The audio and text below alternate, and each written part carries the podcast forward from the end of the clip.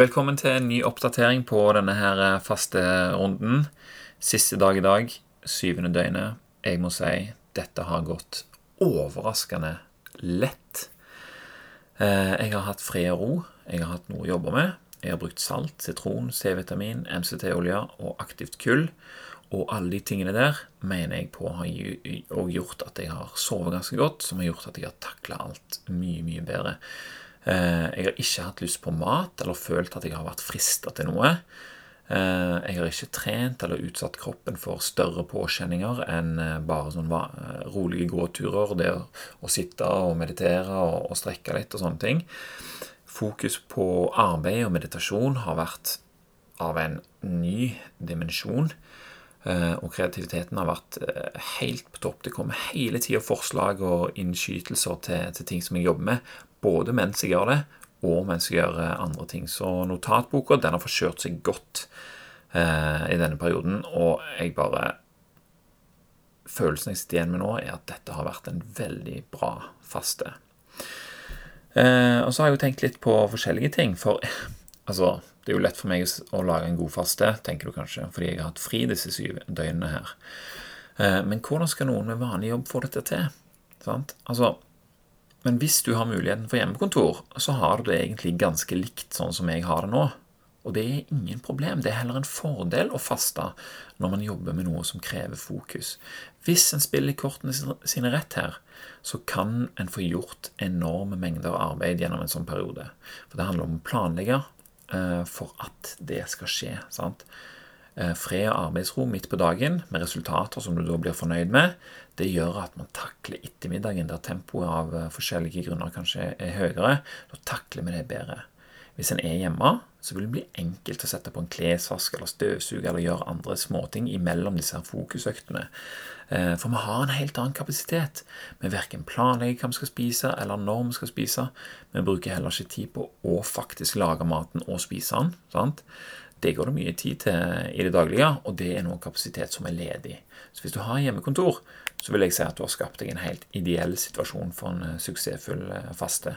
Sant? Og Da kan du òg gå tur i løpet av dagen, eller, eller ah, du, kan, du, kan, skreddersy det sånn som du vil, da.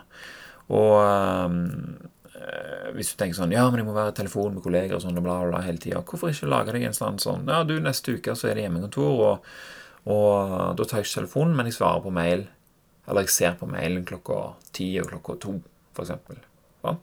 Da har du rigga det til for deg sjøl.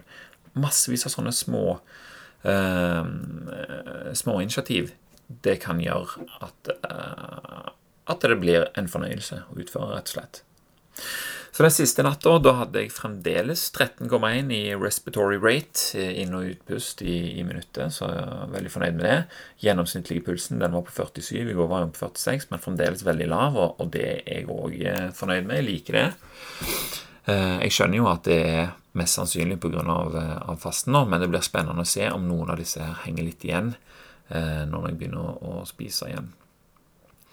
Ellers så var Ask, sønnen min, han var med meg og fasta, han, fra fredag lunsj til lørdag lunsj. Eh, når vi begynte å snakke om fasting, så spurte han da siste uke om eh, Eller var det denne uka, forresten, når jeg kom hjem fra jobb? Uansett så spurte han sjøl om han kunne få prøve et døgn. Og jeg bare Indre motivasjon, tenkte jeg. Hvorfor skulle jeg si nei til det? Jeg ville jo aldri prøvd og motivert han til å gjøre det, sant? for da det, det, er jo en sånn en helt vill og crazy ting, liksom, eh, hvis du hadde gjort det. Eh, men når han sjøl vil det, så ser jeg ingen grunn til at han skal, skal la være. Eh, og to ganger på runden denne uka Denne runden er jo denne her to ting du er glad for, og to ting du gleder deg til.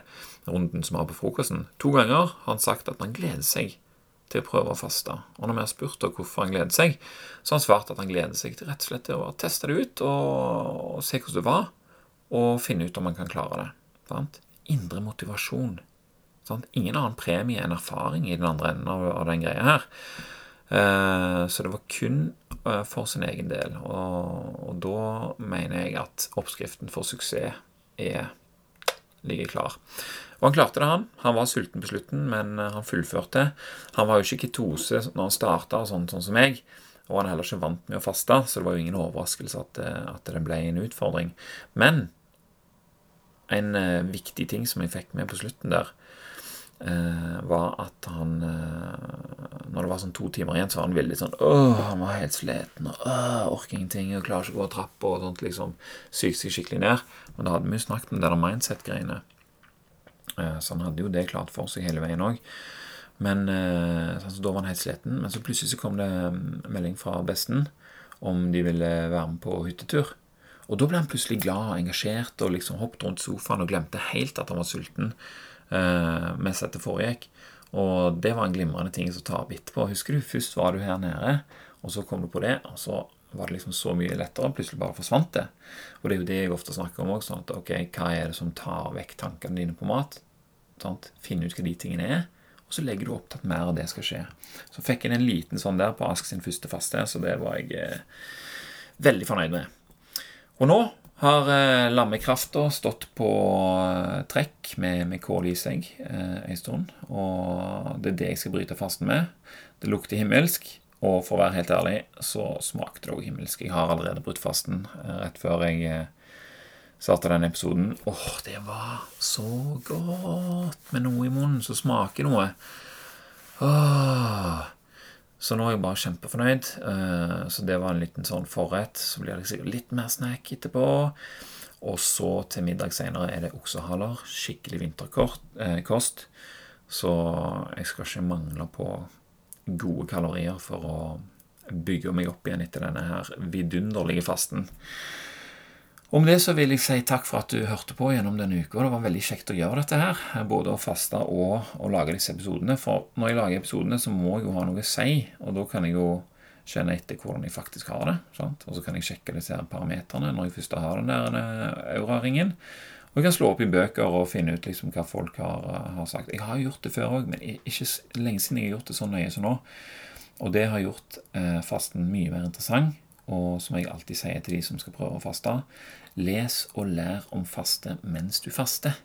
For da er det så mye lettere å nyte det når vi vet om disse her prosessene som skjer under huden vår mens vi gjør det. Helt nydelig. Så hvis det er noe du lurer på uh, i forhold til denne her fasten, sånn, så er det bare å sende et spørsmål til eivind.podkasten.no, Eivind med EY. Hvis det kommer nok spørsmål, så kommer det en episode til om det. Hvis ikke, så cruiser vi sikkert videre. Med mindre det dukker opp et eller annet som blir uh, ufattelig interessant å forklare. Men det får vi se på. Takk for meg for denne gang, og tusen takk til deg som hørte på. Vi snakkes neste gang.